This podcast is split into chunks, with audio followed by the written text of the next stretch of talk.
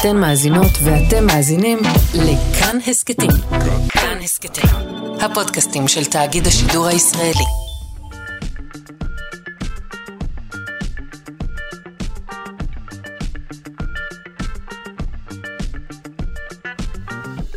שלושה שיודעים. שלום, שמחים מאוד שהצטרפתם אלינו לשעה השנייה של שלושה שיודעים. בשעה הזו נארח כאן לשעה שלמה את הפרופסור אה, נמרוד לוז, שחוקר היבטים חברתיים, תרבותיים והיסטוריים של אוכל, ואני בטוחה שיהיה מרתק. אה, רגע, ניתן קרדיטים לעושים במלאכה. העורך רז חסון, המפיקה תמר בנימין, על הביצוע הטכני אלון מקלר, ואני שרון קנטור. כבר אומרת לכם, אה, אם אתם נאלצים להפסיד משום מה את השעה הזו, אז האזינו לנו כהסכת. זה יהיה נוח ונחמד. בואו נתחיל.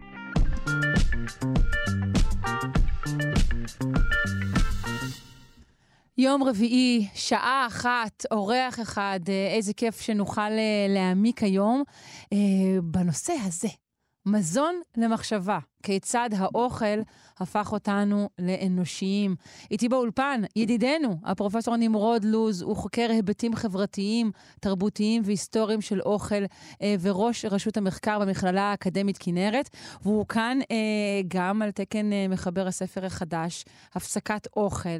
ארוחות, סודות ואגדות, שמבוסס אה, על פינות שנעשו כאן בתוכנית, שלושה שיודעים. לגמרי מגרש הבית, ותודה שרון. תודה אה, לך, גם על הפינות, גם על הספר וגם על השיחה אה, שנערוך כעת. אה, בעצם אני חושבת שהטריגר לשיחה שלנו היום הוא גילוי שהרחבנו עליו אה, מעט אתמול, והוא אה, בעצם ההוכחה הראשונה, האמיתית, אה, לכך שהאדם אכן אה, בישל את מזונו. אה, זה גילוי אה, שנמצא באתר של גשר בנות יעקב, נכון? כן, כן, זה, האמת זה גילוי מדהים.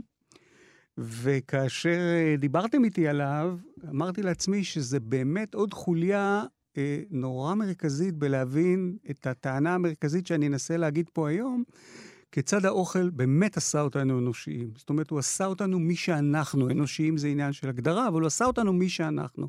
עכשיו, למה זה כל כך מדהים מה שהם אה, גילו שם? כי אה, החוקרים המשיכו להתווכח. זאת לא, אומרת... הם, הם ימשיכו להתווכח? אנחנו נמשיך להתווכח תמיד, כי אחרת מה נעשה ואיך נקבל גרנטים למחקר. אבל לציבור הרחב, העניין האיכותי פה יותר מעניין מהכמותי, ואני מתכוון לזה, הם, החוקרים המכובדים של גשר בנות יעקב, שאת חלקם אני מכיר, תיארכו את זה ל-780 אלף לפני הספירה. נכון. בסדר, נהדר. אבל גם אם זה היה מיליון, או זה היה 500 אלף, זה עדיין מדהים באותה מידה, ואני אסביר למה. כי מה, וגם הקטע הזה שיש שם דגים של שני מטר, והם מתפרעים שם עם אומגה שלוש, בסדר. בסדר, זה, אוקיי. זה, אנחנו בסדר. צריכים ליצור עניין לא, במחקר, זה בסדר. אבל למה זה מדהים? כי הסיפור הזה של השימוש באש הוא המדהים. כי כשאנחנו מנסים להסתכל על היצור הדי עלוב הזה, ההומו ספיאנס, שנניח שאנחנו אומרים שהוא כבר שני מיליון שנה על הכדור הזה, ב... יתווכחו איתי המתווכחים אם יקראו לו הומו ספיאנס ספיאנס או אחרת, אבל ההומו ספיאנס. אין לו שום יתרון יחסי, הוא, הוא לא רץ מהר, הוא לא חזק במיוחד, כל uh, שימפנזה קטנה מפרקת אותנו. אין לו הרבה שיער, אז הוא גם לא יכול להתמודד חשוף. עם... נכון, הוא חשוף. אז מה יש לו? איך הוא נהיה מספר אחד? קומבינטור, הכל קומבינות. אז, אז קומבינות זה מין מילה גדולה, אבל השימוש באש עשה כאן משהו מדהים. ול, ולמה הוא עשה? ואני מתחבר כאן לתיאוריה מרתקת של איש בשם רנגם, שיושב באוניברסיטה מכובדת בארצות הברית, והוא לפני כמה שנים כותב ספר שטלטלה בתחום שנקרא Catching Fire. לתפוס אש. ובעצם הטענה הגדולה שהוא טוען שם, זה שמה שנתן לנו את היתרון האבולוציוני הגדול ביותר, זה השימוש באש. השימוש באש הוא בעיקר לצורכי בישול מזוננו. בישול זה מילה חזקה. okay. אוקיי. תכף אני, תכף, לא, אני מוכן להתפרע איתה, אבל אני אגיד לך למה היא חזקה. כי אני חושב שבהתחלה זה היה נורא מקרי. זאת אומרת, הייתה שריפה ביער, ובעלי החיים נלכדו ונשרפו, ואז קבוצה של ציידים לקטים עברה שמה, ו... אמרו, אולי אה, חבל על הבשר הזה, אולי נאכל אותו למרות שהוא שרוף. בדיוק. ואז הם Mm. בעצם פתאום גילו שהם יכולים לאכול אותו הרבה יותר טוב. עכשיו, אחד הדברים כן, שאנחנו... אני חושבת על האדם הראשון שאכל פתאום אוכל מבושל, או מה זה, מה זה, מה זה האנרגיות האלה? אבל זה הרבה יותר מזה. אני אגיד לך למה. כי אנחנו היום לא רגילים, אבל אה, ינסו המאזינות והמאזינים בבית לנגוס בחתיכת בשר חי. עכשיו, רובנו עושים איכס. אני לא יודעת אם ינסו, המאזינות. לא, אבל אני אסביר. למה אני אומר את זה. כי אוקיי. מערכת השיניים שלנו לא מתאימה לזה. כן. זאת אומרת, עד שלא שרפנו את הבשר שלנו, אז היו לנו כמה בעיות. אחד, כמה אתה יכול להחזיק, נניח שצדת ממוטה, כמה אתה יכול להחזיק אותה? היא הרי מסריחה תוך שלושה כן, ימים. נושא השימור היה אחר. אז כמה כן. אתה אוכל. מהמם. דבר נוסף, אתה מבלה שעות על שעות בלעיסה. המערכת לא הייתה אחרת לגמרי, מערכת השיניים והלסת ו... המערכת שיניים העיכול. שלנו השתנתה קצת, ואנחנו יודעים שנוספו לנו תחנות, אבל עדיין אני מדבר איתך על ניסוי שנעשה בשנים האחרונות, שחילקו אנשים לשתי קבוצות. קבוצה אחת אכלה מזון נע, וקבוצה אחת אכלה מזון מבושל. אפילו שף בישל להם, אם אני זוכר נכון. זאת של המזון הנע, הם לא שרדו שלושה ימים.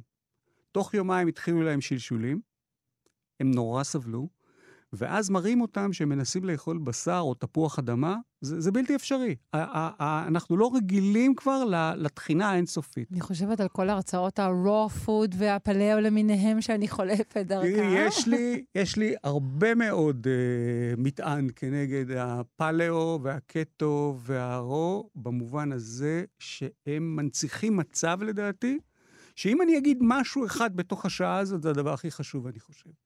אנחנו פשוט אוכלים יותר מדי בשר. המין האנושי צריך לחשוב מחדש מאיפה הוא מפיק את החלבונים שלו. כן. וכל הדיאטות האלה הן בעצם מקדשות המון המון חלבונים מה, מהחי. אז אני חוזר לרנגהם. כן. אני חוזר לסיפור, למה לגמרי. הוא כל כך מדהים, וגם למה מה שהם עשו שם בגשר בנות יעקב הוא מדהים. כי השימוש באש, אם היה שכלתני, זה בכלל מדהים, ולא מקרי. מה הוא נתן לאנשים האלה? הוא נתן להם אופציות שלא היו להם קודם. אנחנו מתייחסים על עצמנו כיצורים תבוניים ושונים מאוד מבעלי החיים האחרים, אבל עד שחלו השינויים האלה שאנחנו עכשיו נוגעים בהם, היינו כמו כולם. זאת אומרת, הסתובבנו איפה שנתנו לנו להסתובב, ואכלנו מה שמצאנו. לא, אבל לפני כן לא נגיד, אם מצאנו זרעונים, לא, לא אגרנו אותם באיזשהו כלי או שימרנו אותם, לא? בטח רק- לא, בטח לא לפני 800 אלף שנה, שאנחנו אוקיי. מדברים ממש על ההתחלות. מהמם. אה, בכלל, אנחנו יודעים על חברות ציידים לקטים, לא שמנו בכיס, אמרנו, נאכל את זה אחר כך אחר צהריים, שאלה אם היה לנו כיס, בבית השחי. כן. אבל כמה אתה יכול לאגור? זאת אומרת, את יודעת, שעושים בדיקות לצי... לקבוצות ציידים לקטים, מה הם סוחבים? הם בקושי סוחבים משהו. יש ספר מופלא שכתב אותו ג'רד דיימונד, שהוא הוא מנסה לבדוק בעצם טענה, למה האדם הלבן סוחב כל כך הרבה דברים? אז רגע, אבל אני, חייב לחזור כן, לרגע, בטח אבל אני יודע נכון, שזה מעניין אותך. לא, אבל זה, אתה יודע, השיחות הן כאלה, אין משתרשרות, אין. מסתלסלות, אני רק. רוצה לגמור את. הרעיון, אני רק כן, רוצה. לגמור את הרעיון. והסיפור הוא שברגע שהתחלנו לעשות את הקשר בין חלבון מהחי, אש, השינוי היה דרמטי, ולמה? אני, בוא נעזוב שנייה אם היה שם אומגה 3 או לא, אם הם הבינו את זה או לא. מה זה נתן להם? קודם כל זה אפשר להם לשמר את זה הרבה יותר זמן. אז זה אומר שהם יכלו לנצל את זה יותר ימים, ותחשבי שאתה בתנועה בלי מקרר, זה משמעותי. הדבר היותר חשוב, זה שהם התחילו להשקיע פחות בעיכול של האוכל. כי האוכל כבר היה הרבה יותר זמין. זאת אומרת, היעילות הקלורית עלתה כאן. איפה זה בא לידי ביטוי? אז ככה, פחות שעות לצוד, פתאום יש פנאי. מה עושים עם הפנאי הזה? זו שאלה מאוד מעניינת. בואו נדבר על נשים. התזונה של נשים השתפרה. ברגע שהתזונה של נשים השתפרה, הפוריות עלתה. יותר צאצאים. יותר צאצאים בריאים. יותר צאצאים שורדים, כן. בדיוק מהמם. כך. ואנחנו יודעים שהתחילו שינויים במעבר בין מערכת עיכול שהייתה צריכה לעבוד הרבה יותר קשה, ופתאום עכשיו היא יכולה להיות יותר קטנה, לטובת המוח. זאת אומרת, מתחיל להתרחש פה שינוי אבולוציוני. זאת אומרת, לזה אני קורא המהפכה הראשונה. המהפכה של השימוש באש, ופה אני הולך אחרי רנגהם, למרות שהיו עליו גם אה, חולקים, ולכן אני חושב שהגילוי הזה שהם גילו הוא מדהים, במובן הזה שעד היום התווכחנו 400 אלף, 600 אלף, פתאום מישהו אומר לך, סליחה, בום. זה 800 אלף. 800 אלף, ואולי כן. היה גם יותר מוקדם. זאת נכון. אומרת שהמפגש שלנו עם האש, המפגש הדרמטי הזה, הוא כבר ותיק, והוא מאוד מאוד משמעותי. כן.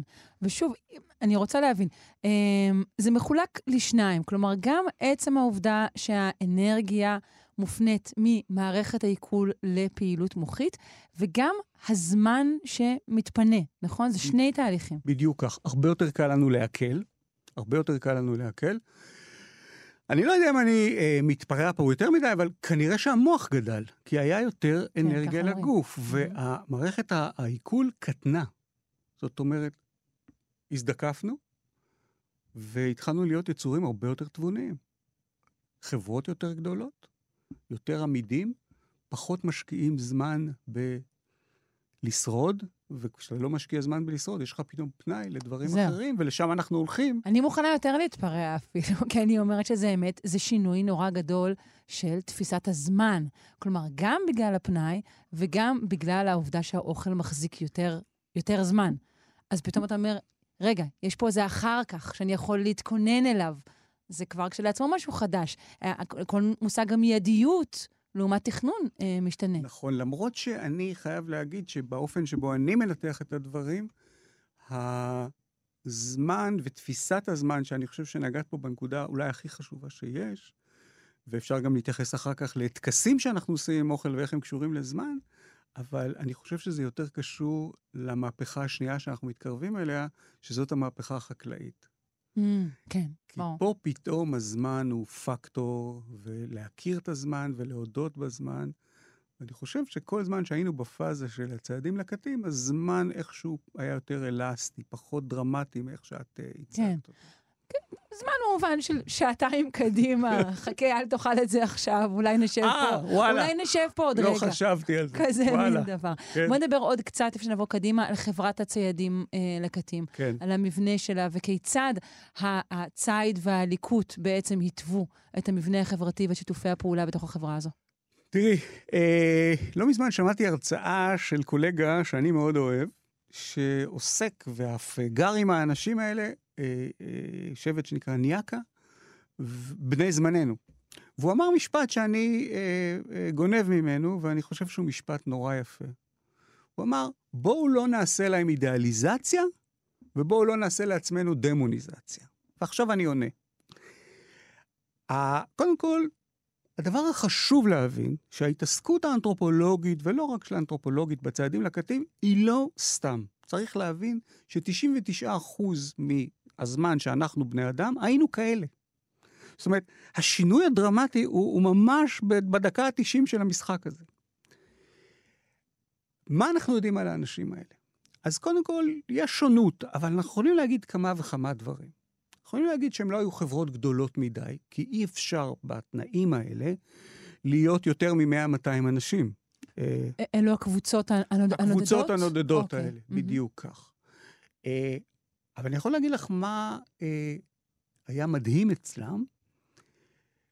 קודם כל, וזה חומר למחשבה, שאגב, גם בספר אני מדי פעם נכנס למחשבות הפוסט-מרקסיסטים האלה. למי של- שהצטרף עכשיו, נגיד שמדובר בספר הפסקת אוכל. תודה. ואנחנו עם הפרופסור כן. נמרוד לוז. מה, אני בטוח שהקשיבו לנו מההתחלה. למקרה שמישהו בדיוק נכנס לאור. בדיוק אה, הדליק אש בגז. כן. אז אה, אנחנו מקדשים אושר, בעין, וכסף. זאת אומרת, תסתכלי מי הם גיבורי התרבות היום, אנשים שעושים המון כסף, ונוסעים במכוניות גדולות. בחברות האלה, אושר הוא סטייה חברתית. זאת אומרת, הלכת ביער ומצאת עץ דובדבנים, ולא חילקת אותו, אתה יכול לקבל סנקציה חברתית. עכשיו, תחשבי על הדבר הזה, זאת אומרת, אין הצטברות של רכוש. מהמם. ובגלל זה זה גם עונה על מה הקבוצ- שאמרנו הקבוצה קודם. היא- היא מעל הכל. כן. זה, זה גם מה שאמרנו קודם, על כמה אפשר לסחוב. אני לא סוחב, כי, כי, זה, כי זה נגד העניין. אנחנו קידשנו את הסטייה החברתית הזאת. אנחנו חיים בסדר עם העובדה שהפערים בין מי שמשתכר המון לבין מי שמשתכר מעט הם בלתי נסבלים. אה, לא, לא כולנו חיים, זה בסדר. אם, אם יורשה לי. ועובדה אבל מדהים כמה, שהפלטפורמה... כמה מהר הרעיון הזה תפס. אתה אומר ש, נכון. שרוב ההיסטוריה שלנו היינו בחלוקה אחרת, חלוקה שוויונית, נכון. ותראה איך זה תפס. זה תפס מצוין, ותכף נגיע למהפכה החקלאית ואיך היא השפיעה עלינו, אבל אז עושר כסטייה חברתית, ושנתונה לסנקציות, אה, שוויון מגדרי. אנחנו יודעים שנשים וגברים אה, יכלו לעשות את אותן עבודות. עכשיו, הייתה התמיינות, גם ציד? גם היו נשים ציידות, בוודאי. הייתה התמיינות, אני אגיד לך למה. בתור אה, נער שעבד בערבה בקטיף פלפלים, אני יכול לומר לך שנשים, קשר יד עין שלהם הוא הרבה יותר חזק. זה כמעט מוחלט. זאת אומרת שהייתה העדפה לנשים לעבוד בדברים חקלאיים, כי היכולות שלהם הן יותר גדולות. אבל מבחינת מה שהיה מותר או אסור, היה שוויון מגדרי. אה, דבר נוסף שהיה שם, היה פנאי. זאת אומרת, שאנחנו מנסים לנסות להבין את לידתם של המיתוסים הגדולים.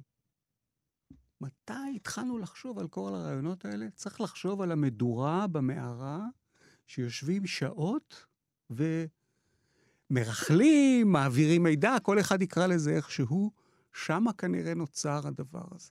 זאת אומרת, אנחנו חייבים לא מעט לאנשים האלה, שהם אנחנו באיזשהו אופן. עוד דבר שהתחיל שם זה איזושהי תפיסה של בית, למרות שהם זזו, כי בשלב מסוים מתחילה להתפתח תפיסה ביחס למתים.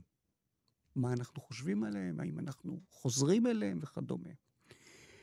אבל העסק הזה מסתיים לפני כעשרת אלפים שנה. זאת אומרת, הוא לא מסתיים, יש עדיין מעט מאוד קבוצות של ציידים כן. כן. לקטים.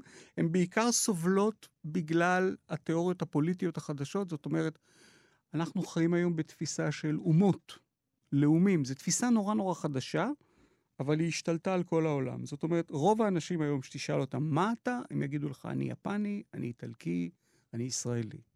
לא ענינו את התשובות האלה לפני 200 שנה, לא היינו כאלה. אז הם מאוד סובלים מזה, מדוע? ואולי עוד נגיע לזה שנדבר על המהפכה המודרנית, העכשווית. לפני 200 שנה לא ענינו ככה? כן, מתי התחילו אה, האומות, כמו שאנחנו מכירים אותם? תראי, את יודעת מה? בואי, בואי, אנחנו בענייני אוכל היום. בחופשה הבאה שלך באיטליה, כן? אני מאחל לך. אה, תיקחי רכב ותיסעי. נניח בטוסקנה.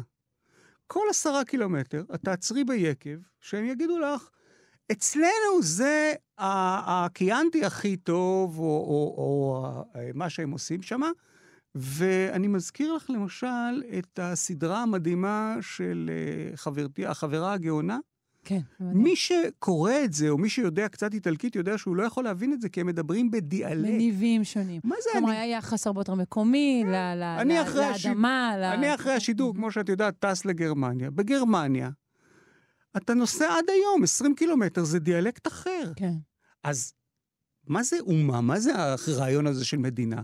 זה קבוצה שחייבת להיות לה גיאוגרפיה וגבולות, ואז גם, ואז איך ממציאים את זה? מדברים באותה שפה וכדומה. והגיאוגרפיה אינה טבעית בהכרח, כמו שהייתה אז. בדיוק. אפרופו, רגע, גשר בנות יעקב והדייג הזה, זה לא, זה לא אומר שהם ישבו שם קבע? העובדה שהיו שם... תראי, לא הייתי במחקר הזה, קראתי אותו, אה, לא דיברתי עדיין עם החוקרים כן. האלה. אה, אני חייב להגיד שאותי תקע משהו אחר, אותי עצר משהו אחר, שני. מטר של דג. כן, זה נראה לי זה חתיכת פנטסטי. דג. תראה, היו להם שיטות. היו להם שיטות לצוד. אמרו החוקרות שהם פשוט תפסו ביד, שלא היו להם אז יכול כלים. להיות שהם כן עשו סכר, אבל אני מרים ידיים בהכנעה, אני פשוט אינני יודע. אוקיי, בסדר. אה, בואו נחזור עוד ל- ל- לציידים כן. לקטים. אז הם היו, נגיד, חברות אלימות פחות? טריטוריאליות היו- פחות? אה, בדיוק. את נוגעת בשו... במהפכה שהולכת להיות. אם אני, אין לי טריטוריה מוגדרת, אז אני פחות טריטוריאלי בהגדרה. זה לא אומר שכשהיו מפגשים של שתי קבוצות כאלה, הכל עבר בשנטי ושרו שיר לשלום. כי תמיד היו ריבים על משאבים. כן, העדר הביזונים הזה הוא שלי. נכון, או אני הגעתי לכאן קודם, או כן. משהו כזה. מהמם. אבל הם שונים מאוד מאיך שאנחנו התחלנו להתייחס לאדמה, משום שהם הרבה פחות מושקעים בה כמונו. יש עוד דבר, וזה אולי שורש הבעיה, שאני אשמח שעוד נגיע אליה לקראת סיום, של מה הבעיה שלנו עם האוכל היום, וזה תמונת העולם שלך. זאת אומרת, מה שקרה לנו מאז המהפכה החקלאית, שאנחנו בפתחה תכף, ששינינו את היחס שלנו למקומנו בעולם. זאת אומרת, יש עדיין קבוצות, למשל קבוצות ילידיות בצפון ודרום אמריקה, שהם מרגישים של האדמה. אבל הדתות המונותאיסטיות הגדולות, ולא רק הן, מרגישות בעלות האדמה. זאת אומרת, יש הבדל באיך שאתה נע בעולם, אם אתה חלק מתוך מערכת גדולה, אני, העץ, הטיגריס והאיילה, או אם אתה נזר הבריאה, איך אתה מתייחס לזה. כן. ולכן כל תפיסת הטריטוריאליות, אם הייתה להם משהו דומה, היא מאוד שונה משלנו. כן, אצל כן. עמים ילידים אמריקאים עוד ניתן אה, למצוא תפיסה אחרת לגמרי, נכון. ובכלל אה, שפה גם... שונה של יחיד ורבים. ו- בגלל זה הם גם חווים כל כך הרבה בעיות במפגש עם הקולוניאליזם, עם האדם הלבן, ואם תרצי, עם המדינות בנות זמננו, כי זה מערכות יחסים ו- ותפיסות שונות לחלוטין. ואתה רואה את זה המון במאבקים על קרקע. גם בישראל אנחנו רואים את זה במאבקים מול הבדואים בנגב, עם אה, אל- אלקיעאן, הם אומרים, זה שלנו. המדינה אומרת, תוכיחו שזה שלכם. אומרים, אין לנו הוכחה כמו שאתם רוצים, יש לנו הוכחות קצת אחרות. כן, שהיא בתוך הזמן, ובתוך הסיפורים, בדיוק. דברים אחרים. ממש כך. אה, אז, אז אמרת שלא לא, לא היה עשיר שלא מחלק, אבל, אבל כשכן היה שלל, לא הייתה שום היררכיה, לא עד זקן החבורה מקבל קודם, או ההפך, הילדים מקבלים קודם. אין היררכיה, לפחות עם הצעדים לקטין, כמו שאנחנו מכירים אותה היום. זאת אומרת, החברות האלה הן הרבה יותר שוויוניות. הם, לכל אחד יש אה, זכות דיבור ודעה, וגם אם אתה בעל ניסיון, ובהחלט יפנו אליך כבעל ניסיון, זה לא מקבל את, ה, את התפיסות של זקן השבט, כמו שאנחנו מכירים Mm. את זה, כמו שאנחנו מכירים אותם היום. אוקיי, וזה לא מי שצעד גם אגב, קיבל את הנתח הטוב ביותר. זה בוודאי כנראה לא קרה, אבל הערת כוכבית, אנחנו לא יודעים הכל, וגם יש המון סוגים של כן. קבוצות כאלה. זה לא בטוח. טייפקאסט אחד וכולם אותו דבר. נכון. אה, נזכיר שוב, אנחנו עם פרופסור נמרוד לוז, אה, מדברים כאן על כיצד האוכל בעצם אה, עשה אותנו אנושיים, כפי שהגדרת, ואנחנו מציינים את צאתו של הספר הפסקת אוכל, שמושתת על אה, שיחות שנערכו כאן בתוכנית שלושה שיודעים. בואו נגיע למהפכה החקלאית, לפני שיגמר לנו הזמן ועשינו רק מהפכה אחת, וחבל. אז אני, מה שנקרא, אי אפשר להגזים בחשיבות של האירוע הזה. עכשיו, אני אגיד עשרת אלפים שנה, ושוב עם הערת כוכבית, יהיו כאלה שקצת יקדימו את זה, יהיו כאלה שקצת יאחרו את זה. יש, יש פה כמה תהליכים שמתכנסים. עכשיו, מה מפריע לנו באיך שאני אציג את הדברים? כי לעתים, כמו שהגילוי המדהים הזה מגשר בנות יעקב, לעתים חוקרים פתאום מגלים אה, גידול חיטה 20 אלף שנה לפני מה שידענו. האם זה מבטל את הכל? אני לא חושב. אבל בוא נאמר פחות או יותר את הדברים הבאים. בסופה של תקופת הקרח האחרונה, משהו כמו 11 אלף שנה, אנחנו שמים לב לשינוי דרמטי שמתרחש בקבוצות אנושיות. והשינוי הוא שפתאום מתחילים ליישם ידע שכנראה נצבר, בגלל זה אמרתי שכל התקופה הזאת היא נורא חשובה. ידע, תחשבו שנייה אחת כמה זה דרמטי. בואו נחשוב על כיכר לחם, כמו שאני עושה לתלמידים בקורס מבוא לאנתרופולוגיה. בואו נעשה אנתרופולוגיה של כיכר לחם. בשביל כיכר לחם אחת, מה צריך? צריך חיטה, צריך מים, צריך שמרים, מלח, שמן אם את רוצה קצת, בסדר, אבל צריך עוד המון דברים אחרים. כן, צריך, צריך את. את האבני ריחיים או משהו כדי רגע, אני לטחון עוד את לפני הגרעין. זה, צריך את האישה הזאת, שאגרה את כל הידע המדהים הזה של לשים זרע באדמה. כאילו, מאיפה בכלל גילינו את, את הדבר המדהים הזה? אה, אה, זה, זה משהו שאני, כל פעם שאני מדבר על זה, זה מחדש מדהים אותי. זאת אומרת, זה נראה כל כך טריוויאלי, אבל תחשבי על זה, כאילו, מי אמר למישהו שלקחת את הזרע שעומד שם בפינה, ובמקרה עליתי עליו בשדה, וגם צריך לעשות המון שיפורים, ואני שם אותו באדמה, ומתי להשקות, ו... זאת אומרת, יש פה המון המון ידע. אחרי שהתגברנו על הדבר הזה, והייתה עונה טובה, והיה קציר, פתאום גם צריך טכנולוגיה להוציא את זה. ועכשיו צריך את ההבנה של, כמו שאמרת, אבן ריחיים, לאפות את זה. הגילוי של השמרים הוא גם כן משהו שהוא בלתי נתפס בעיניי. אגב, יש לי פה איזה קטע נחמד בספר שהתעסקתי עם הדבר הזה, עם הפלא הזה. ואנחנו מזהים שינוי דרמטי. זאת אומרת, קבוצות מתחילות לעשות את האוכל שלהם במקום לחפש אותו ולמצוא אותו. זה מופיע בפסוק אחד בבראשית. בזיעת אפיך תאכל לחם. השינוי הזה ממציאת מזון ליצירת מזון, הוא בעיניי המהפכה הכי דרמטית, אולי יותר מהטלפון הנייד. המצאת העבודה. אה, בדיוק. אנחנו השתננו לגמרי. כן. עכשיו, תראי מה קרה לנו עם הדבר הזה. אז קודם כל ככה. ברגע שהתחלנו לייצר את המזון, אז אני חוזר להערה שהערת קודם על טריטוריאליות.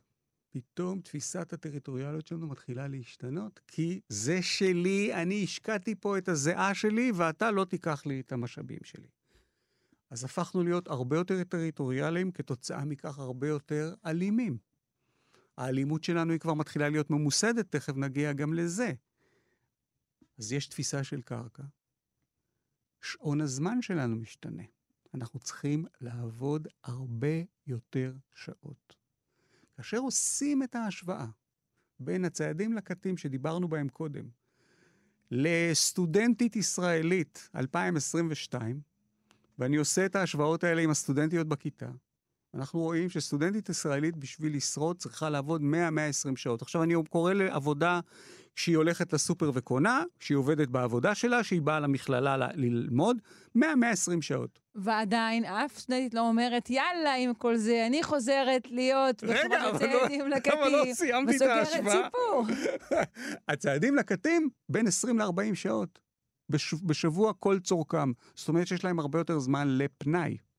ואת צודקת, כי אחת הקריקטורות היותר מפורסמות בקרב אנתרופולוגים, רואים איזה שני צעדים לקטים כאלה, אומרים, האוויר נקי, המים נהדרים, אבל אנחנו עדיין מתים בגיל 30.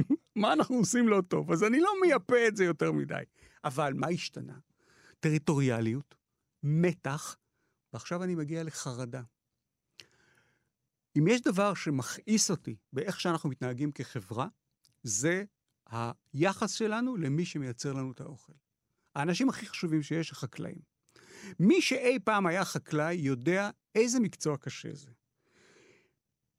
לא רק זה שאתה שובר את הגב כל הזמן, עובד קשה, חרד אם ירד גשם, ואם ירד בזמן, ואם ירד אחר כך, או לא ירד. אתה נמצא היום בתחתית הפירמידה. זאת אומרת, לקחנו את המקצוע הכי חשוב והרסנו אותו. עכשיו, כיצד החקלאי הקדום יתגבר על החרדות שלו? האם העונה תצליח? Mm, האם היא לא תצליח? המציא לו את האלים. הנה. המציא לו, פיתח אותם, פתאום אנחנו מתחילים לקבל תפיסה של אמונה ודת. כי אתה צריך משהו להשכיח את החרדות. עכשיו, ברגע שנותנים... משכיח ואולי גם לא אסיר מעצמך אחריות באיזשהו יכול- אופן. יכול להיות. זה לא הכל בידיי. נכון. לא יצא לי טוב, אבל יש לזה אשמים אחרים. אני לגמרי מסכים אולי זה לה- בכלל מול אשתו. להבחנה הפסיכולוגית הזאת. עכשיו, תראי, יש עודפים. קודם שאלת מה עושים הצעדים לקטים עם הגרגירים. עכשיו באמת יש עודפים. מה אני עושה עם העודפים? אז פתאום צריך לדעת לבנות מחסן. יש יותר אוכל, יש יותר אנרגיה, חברות גדולות. הן גדלות, אנחנו מטפלים בחברות שהן יחסית חברות ענק לעומת מה שהיה קודם. כן, המבנים הופכים להיות מורכבים הרבה יותר, הרבה יותר מסורבלים הרבה יותר. מה נולד? הצורך בשפה. כדי לתקשר בינינו בצורה הרבה יותר מדויקת ולהעביר הוראות. העודפים האלה משמשים אותנו לעוד דבר, וזה מה שאנחנו קוראים ריבוד חברתי, יצירה של שכוב. זאת אומרת, מתחילות להתפתח אליטות, ומתחילות להתפתח התמחויות.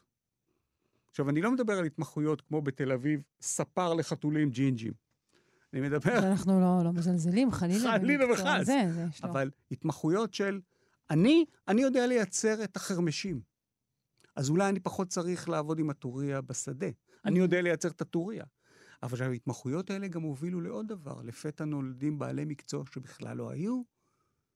השאמן, הכהן, הרבי, אלה שמתווכים לנו את האלוהויות האלה, ובקצה הפירמידה שמנו מלכים שיגידו לנו מה לעשות. והמלכים האלה שולטים בחסד האל. ולכן, ספר החוקים הראשון בעולם מתעסק המון במזון, החוקים של חמורבי. זאת אומרת, אתה, מה שאני אומר פה הוא לא מופ... כאילו, לא איזה המצאה. עכשיו, מה שעוד קורה בתקופות האלה, וזה דבר די מדהים, זה ביות בעלי חיים וצמחים. עכשיו, אני רק נגעתי קודם בכמה זה מפתיע הדבר הזה, אבל רובנו לא מבינים שאין חיטה בטבע כמו שאנחנו מכירים אותה. כי החיטה שמייצרת לנו את הקמח, היא הפוכה ממה שחיטה רוצה להיות. כי חיטה, מה היא רוצה להיות? היא רוצה להיות גרעין קטן עם קליפה עבה שאף אחד לא יפגע בה. ומה אנחנו רוצים? אנחנו רוצים גרעין גדול כן. עם קליפה דקה. זה הגאונות של אותן, אני מייחס את זה לנשים, של אותן נשים במהפכה החקלאית, שידעו לעשות את הדבר הזה, את, ה, את המהלך המדהים הזה. עכשיו, עשרת אלפים שנה, עשרת אלפים שנה, לא, לא בייתנו יותר מדי דברים, אבל בייתנו את החיטה, ואת האורז, ואת התירס, ואת העז, והכבש, וקצת למדנו איך מדברים עם דבורים ולוקחים מהם דבש. מה שזה עשה לנו, זה צמצם לנו באופן מדהים את האפשרויות שלנו.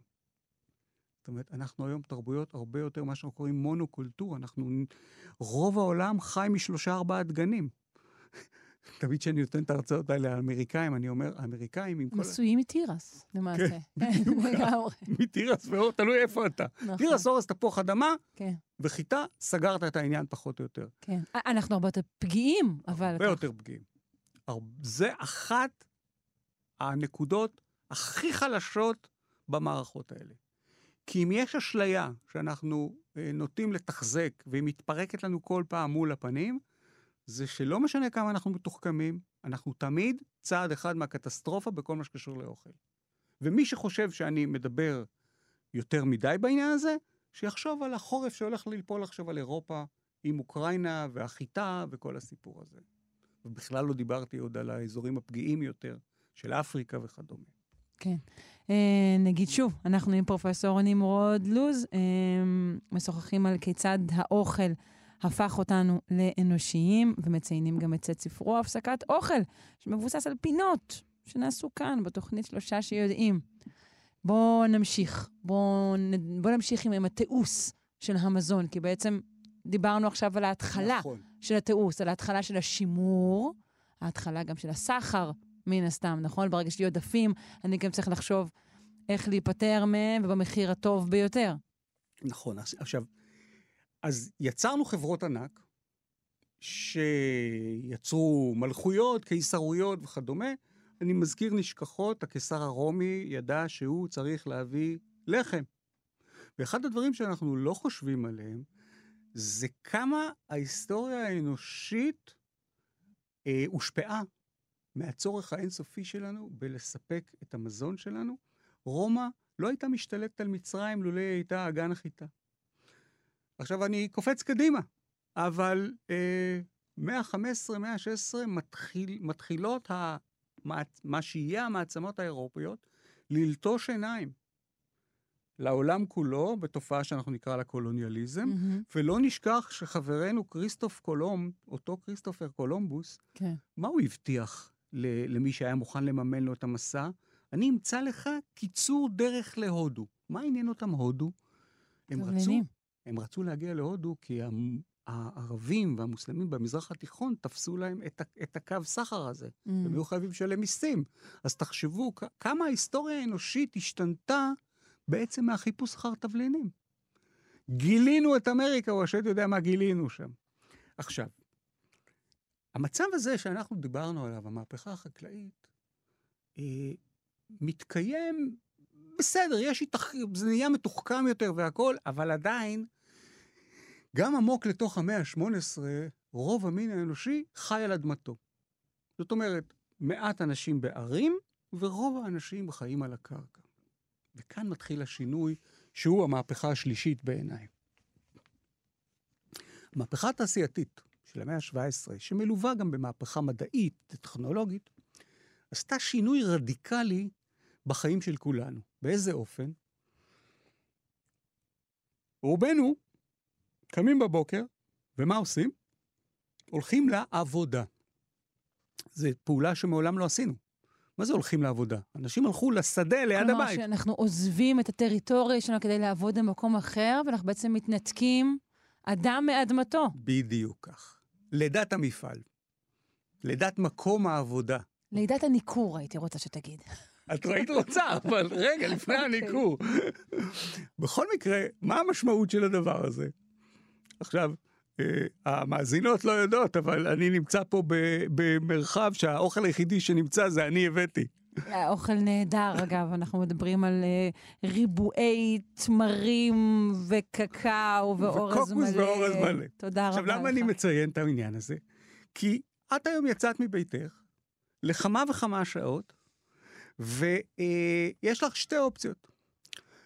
או שאת נודניקית כמוני, ואת מתארגנת בבית מראש, קולפת שלושה גזרים וזה, או שאת אומרת, יאללה, באמת, אין לי כוח להתעסק עם זה, עם כל כך הרבה דברים אני צריכה להתעסק, ואת עושה מה שרוב האנשים עושים, את נסמכת על מזון שמישהו אחר מכין לך. וזו תחילת השינוי. זאת אומרת, התחלנו להישען יותר ויותר על אוכל שלא אנחנו אחראים עליו. וזה באמת אולי אחד המאפיינים גם הגדולים ביותר של תרבות אורבנית, אני לגמרי, חושבת. לגמרי. אנשים אוכלים בחוץ, זה מה שהם עושים. נכון. אוכלים בחוץ ומנותקים מהאדמה. שאת בעצמך, כאילו, זה מה שאת אה, אפיינת את הדבר. עכשיו, ברגע שהפקרנו, ואני משתמש בכוונה במשפט, בפועל הזה, ברגע שהפקרנו את הדבר, שבעיניי הוא הכי חשוב, הכנת האוכל, לאנשים אחרים, אז אנחנו לא יודעים מה הם עושים. אנחנו יכולים לסמוך עליהם או לא לסמוך עליהם. מה השינוי היותר גדול? שאוכל הפך להיות תעשייה. תעשיית המזון. ברגע שאוכל נכנס לתעשיית המזון, הוא בדיוק כמו כל חצאית, חולצה, טלפון נייד שמיוצר בתעשייה, יש לו מטרה אחת, והיא מטרת הרווח. וזה המהפכה הדרמטית שעוברת עלינו, שאנחנו הולכים ומתנתקים מהאוכל שאנחנו אוכלים. אני, אני אדלג כאן הצידה, קדימה, ואתגלגל, ואגיד, אולי עכשיו, אנחנו רואים, אנחנו רואים אה, דחייה. אה, גדולה מאוד של עיסוק באוכל, של, אה, תקרא לזה, פיינשמקריות, של תוכניות ריאליטי, של פתאום נגיד, אני לוקח את החומר גלם הזה מפה, וזה... אז אול- אולי, אני- אולי אנחנו הולכים לכיוון אני איתך אחר? לגמרי.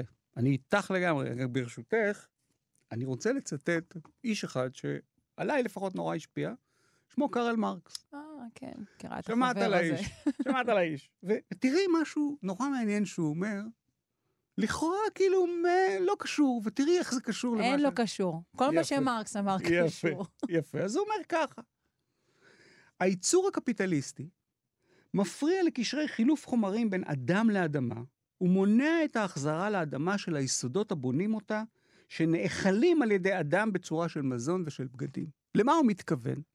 אני אגיד לך למה הוא מתכוון. אבי האקולוגיה. גם, בין היתר. הוא מתכוון לזה, תגידי, את מכירה את הסיפור עם הבקבוק מים המינרליים? שהצבע הוא שקוף, אבל כדי שאנחנו נקנה אותו יותר, הם כן. לפעמים מוסיפים ואז גוון כזה. גוון חלחל, בוודאי. כאשר מוסיפים את הגוון הכחלחל, יגידו לך, מומחי סביבה, הרבה יותר קשה, עד בלתי אפשרי, למחזר למחזר. אותו, נכון. לכי תשכנעי את התעשיין שהרווחים שלו יקטנו, אבל הסביבה ת, תשרוד. זה דבר אחד. זאת אומרת, אנחנו הרבה פחות נמצאים בקשר עם העולם, והתעשייה בעצם מפריעה לנו את המהלך הטבעי של הדברים. רגע, עוד דבר אחד. בתוך כל השיטפון הזה, ושמעתי לא מזמן פרסומת שאנחנו, חודש נובמבר, זה לא חודש הקניות, זה לא החודש הירוק, זה חודש המים. ואותו אותו מפרסם, מים? מתקן מים, ואותו לא? מפרסם שמפרסם את זה, הוא לא נותן לנו את האופציה של לפתוח את הברז בבית ואגב, במאמר מוסגר, המים בישראל, לפי שעה, הם אחלה מים. זאת אומרת, יגיד את זה כל מי שמבין קצת במים, אין שום סיבה ברוב המקומות לקנות את המים. לא, מהלך בקבוק המים הוא... זה, זה המה- המהפכה השישית. אז בקבוק המים זה בדיוק הקטע. עכשיו, מה עוד עשה לנו, מה עוד עשתה לנו המהפכה השליש, השלישית הזאת שאנחנו נמצאים בה, שהיא בעקבות המהפכה התעשייתית? ההשתלטות האירופית על העולם, הקולוניאליזם, היה כרוך בניצול מזעזע של אחינו בני האדם. זאת אומרת, מוצרי יסוד כמו תה, כמו סוכר, כמו קפה, היו סיבות לבריטניה, להולנד, להשתלט על חלקים גדולים בעולם, והמקומות האלה, הם תמיד היו קשים מאוד. מטע סוכר זה אחד המקומות האחרונים שאת רוצה לבקר בהם. זה חום אימים, כי זה תמיד באזורים טרופיים, זה צפוף, זה מלא בעלי חיים מסוכנים, ואת מי אתה שולח לשם? את הילידים שאתה גונב להם את הקרקע. כן, הם הופכים לרכושך, אתה הופך אותם. לעבדים. זאת אומרת, המהלך הזה, שאנחנו נמצאים בשיאו של התיעוש הזה, יצר עיוותים נוראים. בעיניי, מה שהוא עוד יצר, זה נתק הולך וגובר בינינו לבין המזון שלנו. והנה הגענו לפתחה של המהפכה שאנחנו נמצאים בתוכה, ואני לא שכחתי את ההערה שבעיניי היא, היא הערה נורא אופטימית. זאת אומרת, אני, אני לגמרי לא רוצה שנצא רק עם אה, אוי אוי אוי, מה קרה לנו, בואו נחזור להיות צעדים לקטיף. זה, אני בכלל לא שם. אני ממש לא אה, אה, מושך לכיוון הזה, אבל כאשר הסרנו מעצמנו את האחריות לייצור האוכל, והלכנו ליותר ויותר אוכל מתועש, התחילו אה, גלי ניפוץ שקשה היום אה, אה, לתקן. ואני מדבר על השמנת יתר, אני מדבר על הפרעות אה, קשב וריכוז, וככל שעובר הזמן אנחנו יותר ויותר מבינים שיש קשר בין תזונה מסוימת ליכולות קוגניטיביות. אני מדבר גם על הקשר, הקטע הרבה יותר אנושי של הדבר הזה, והוא אוכל והתפקודים המשפחתיים, חברתיים שלו. זאת אומרת, אוכל היה מקום של התכנסות. אוכל היה מקום של שקט, של שלווה, של מפגש. אני לא אומר, אני לא מייפה את זה, היו אנשים שעדיין היו צריכים להתאמץ קשה מאוד. אבל כשאתה חושב על הארוחה המשפחתית ועל ההכנה המשותפת של אוכל, לעומת ה... איך שאנחנו חיים היום, איבדנו די הרבה דברים בדרך. ואנחנו היום, ואני חושב שזו הסיבה לגאות הבלתי נתפסת בעיניי של, את הזכרת תוכניות ריאליטי. שאגב, אני מודה ומתוודה, קשה לי מאוד לראות אותם. כן, אני, אני לא חושבת שהמסר המרכזי שלהם הוא דווקא באמת שיבה אל האוכל בדיוק ולדברים הפשוטים. אה, בדיוק המדיום הוא המסר כרגיל. בדיוק, בדיוק. ו- ו- וזה מה שמפריע לי, כי זה הופך להיות משהו, הוא היה יכול להיות כל כך לעניין, והוא הופך להיות משהו כל כך בעיניי שולי בתוך הדבר הזה. אה, אבל הוא מגיע, אני חושב, וסליחה על המטאפורה, מהרעב שיש לנו, מהרעב שיש לנו להתחבר לעצמנו שוב. כן, אבל, אומרת- אבל הכיוון, לא- נגיד עכשיו מדברים, אתה יודע, יש עלייה של אה, אה, ייצור אה, בשר מעבדה, שהוא ככל הנראה השלב הטוב והנכון, אה, אה, לפחות אקולוגית, אבל הוא בעצם גם במקביל עוד שלב של ניכור. זה עוד שלב שבו אנחנו לא נעשה את האוכל בעצמנו, לא נדע בדיוק איך הוא מגיע ולאן, עוד פחות ממקודם. נכון. אבל את יודעת, החיים הם אמנות האפשרי. ו- ובעיניי, למה, למה חשוב לי למשל לקום בשעות די מוקדמות בבוקר כדי לעבור פה בתאגיד ביום שהוא גם ככה עמוס? כי אני חושב שזה נורא נורא חשוב. אני חושב שלגרום לאנשים לחשוב על הדבר הזה הוא כשלעצמו טוב. זאת אומרת, אנחנו צריכים לחשוב את הדבר הזה. וכן, יש לנו היום בעיית אמת. יש לנו שמונה מיליארד אנשים, השבוע נדמה לי נולד האיש השמונה מיליארד על הכדור. שמונה מיליארד מה אנשים. שסיפרו לו לאן הוא מגיע. אנחנו כבר יודעים שיש משברים קשים מאוד. ואני חושב שאנחנו צריכים לשאול את עצמנו בצורה מאוד מאוד רצינית, מה אנחנו עושים, איך אנחנו מאכילים שמונה מיליון, מיליארד אנשים. מעבר לזה, ברמה הפרטית, ברמה הפרטית, ברור לחלוטין היום, זאת אומרת, לא צריך להיות יותר מדי מומחה לדבר הזה. הניתוק ההולך וגובר ממה שאתה אוכל מייצר לא מעט בעיות. אפילו ברמה הבריאותית, עזבי עכשיו משפחה ודברים יותר מורכבים, מייצר המון בעיות. ולכן, בעיניי, התוכניות האלה הן מאותתות על רעב שיש לנו להבין כן. באוכל. אבל אולי ככה אמרו גם על הארוחה המבושלת הראשונה. מישהו אמר, תראו, היה, היה לנו מסורת, אנחנו רק ליקטנו וזה, ועכשיו התחלנו לבשל, תראו מה איבדנו, איבדנו את הקצב האיטי הזה. אולי אני אומרת, אולי דווקא, מה שכרגע אנחנו חווים כאיזה מין שלב חדש של, של ניכור ממזוננו, אולי נגיד הוא מפנה זמן. המשורר שיורד למטה וקונה את מזונו, ובזמן הזה הוא חושב על דברים, או המדען להבדיל.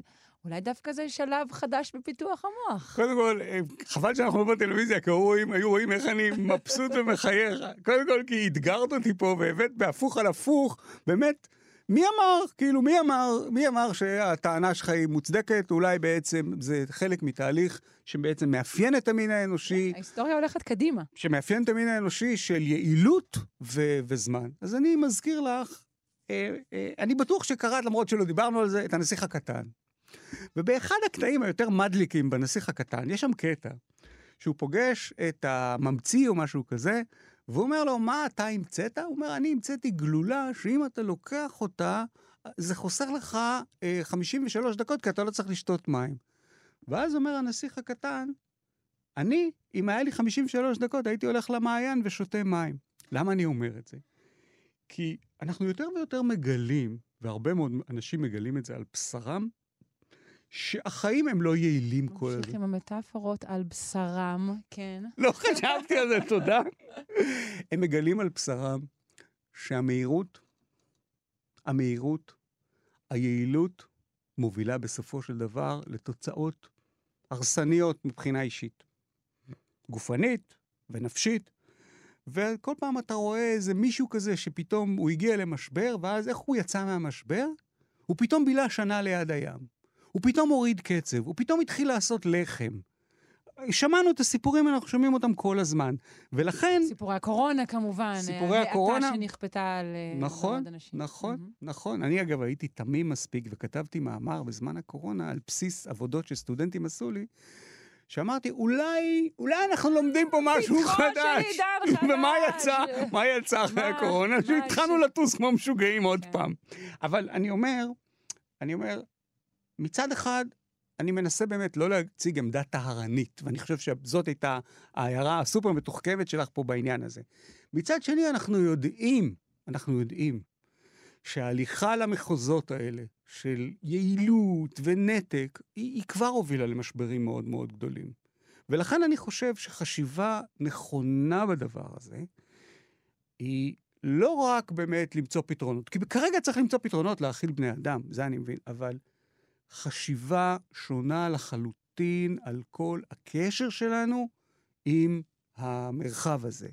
מה שאמרתי בהזדמנויות אחרות, אנחנו צריכים לנסח חוזה חדש עם האוכל שאנחנו אוכלים. כי החוזה הנוכחי הוא לא עובד טוב. ועל הרקע הזה צריך להבין אנשים כמו קרלו פטריני, שיצר את תנועת סלואו פוד, שאגב, מי מישהו יקרא את הספר, בפתיחה אני מקדיש לו לא מעט זמן, כי במידה מסוימת בגללו התחלתי לחקור אוכל. מהמם, בגלל מפגש שהיה לי איתו, ו- והתחברות ל- ל- לרעיונות האלה. אה, ומה הוא בעצם אומר? הוא אומר, אה, חברים, תתחילו לשים לב, איפה אתם חיים? תאכלו יותר מוסרי, יותר מחובר למקום שאתם נמצאים בו.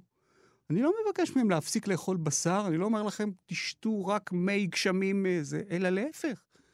אתם באזור שמגדלים בו חומוס, תאכלו חומוס, אתם לא צריכים לשווק פסטה דורום כן. או, או סלמון מנורבגיה. מיינדפולנס של המזון, אפשר ממש, להגיד. ממש כך. אז אם אני חוזרת לכותרת שנתת אה, לכל השיחה שלנו היום, קראת לה כיצד האוכל הפך אותנו אנושיים. אז אולי אם אני שוב גם מנסה להרגיז, השאלה היא לא אה, רק האוכל או לא בדיוק האוכל, היא שאלת האנושיות. מה הופך אותנו לאנחנו? ויכול להיות שאם הדברים דווקא ימשיכו כמות שהם, עם, ה, עם התיעוש ועם פתרונות שאנחנו חייבים, שאנחנו נדרשים אליהם כרגע, אז אולי התשובה לשאלה מיהו אנושי תשתנה. יכול להיות שהאנשים החדשים אה, שיחיו יותר לצד אה, מכונות, או אפילו יהיו אולי, אה, אתה יודע, סייבורגים למיניהם, על כל הקשת הזאת.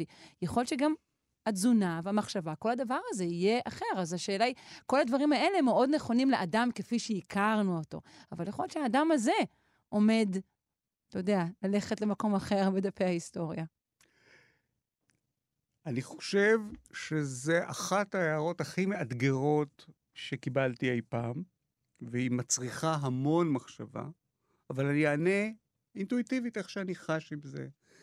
א', היצורים האלה, שהם בדרך, הם עוד לא שם. בינתיים יש פה שמונה מיליארד אנשים שצריך לדאוג להם, ואני כמדען חברתי, חלק ממה שאני מרגיש שאני עומס על שכמי, זה באמת המחשבה על הדברים האלה. אמ, דבר שני, אני יכול לומר שלאנשים האלה שאני מכיר כרגע, אני חושב שהניתוק מהאוכל גורם להם הפסד וחסר בחיים, ולכן אני עובד. ואני חושב שההערה הבאמת דרמטית ששם פה לתוך הדבר, שמחייבת באמת המון התייחסות של תיאורטיקאים מכל מיני כיוונים,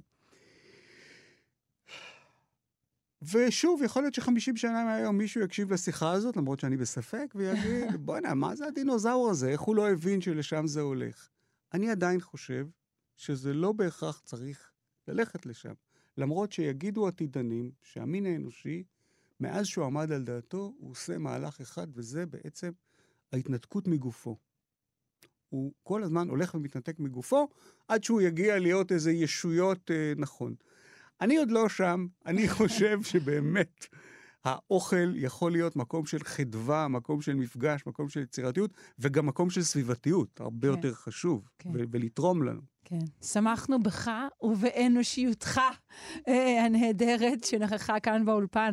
פרופסור נמרוד לוז, חוקר היבטים חברתיים, תרבותיים והיסטוריים של אוכל, וראש רשות המחקר המכללה האקדמית כנרת, ואביב הגאה של הספר החדש, הפסקת אוכל.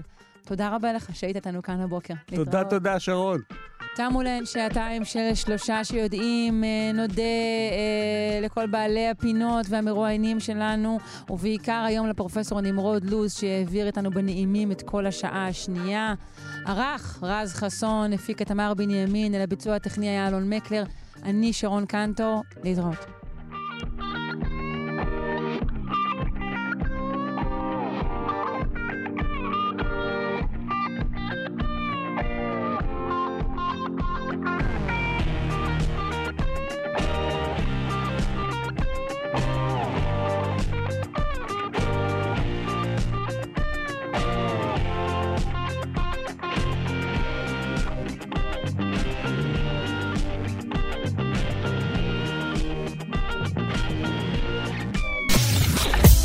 אתן מאזינות ואתם מאזינים לכאן הסכתים.